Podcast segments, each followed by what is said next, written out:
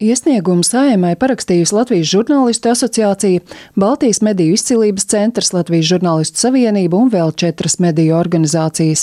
Tās uzskata, ka Nacionālā elektronisko plašsaziņas līdzekļu padome nepamatot iejaucas mediju radītajā saturā un rada nesamērīgus ierobežojumus mediju darbībai, tādējādi graujot plašsaziņas līdzekļu neatkarību.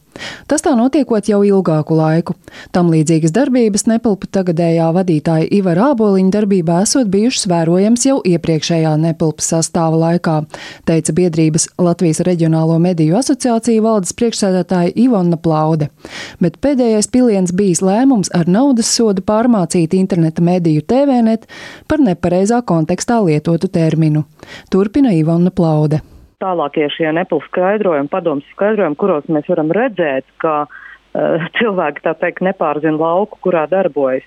Nu, runāt par to, ka vārds deportācija sarunā, intervijā no intervējumā puses pielietojams, ka lūk, šis ir kaut kāds neprezi, neprecizitātes vai, vai, vai, vai neutralitātes principu ne, neievērošana, tad likumā par to mēs varam runāt un arī žurnālistikā ziņas var būt neitrālas, bet ne intervija. Iesniegumā pausts tā vietā, lai padomi nodrošinātu pamata uzdevumu, vārda un uzskatu paušanas brīvību, sociāli nozīmīgas informācijas vispārēju pieejamību un netraucētu brīvas diskusijas uzturēšanu medijos, tā cenšas sodīt plašsaziņas līdzekļus.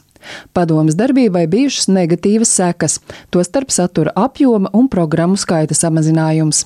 Kā absurdus un melīgus šos pārmetumus noraida padomas priekšstādātājs Ivars Āboliņš. Viena no lietām, kas padomē tiek pārmesta, ir programma apjoma samazinājums. Un, jā, tie ir fakti. Pagājušajā gadā Latvijā tika aizliegts vairāk kā 120 Kremļa propagandas programmas. Un pārmest šajā brīdī padomē cīņa pret Kremļa propagandu ir vienkārši amorāli. Āboliņš pauda, ka nepiekrīt nevienam iesniegumā ietvertajam pārmetumam.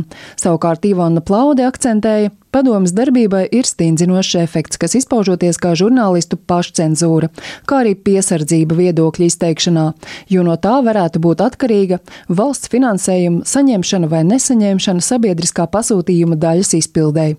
Šī iemesla dēļ atsevišķas mediju organizācijas esot atturējušās parakstīt iesniegumu. Jāatgādina, ka nepilpu locekļus pēc konsultācijām ar kompetentām organizācijām izvirza Saimas cilvēktiesību un sabiedrisko lietu komisija, un amatos uz pieciem gadiem apstiprina Saima. Zana Eniņa, Latvijas radio.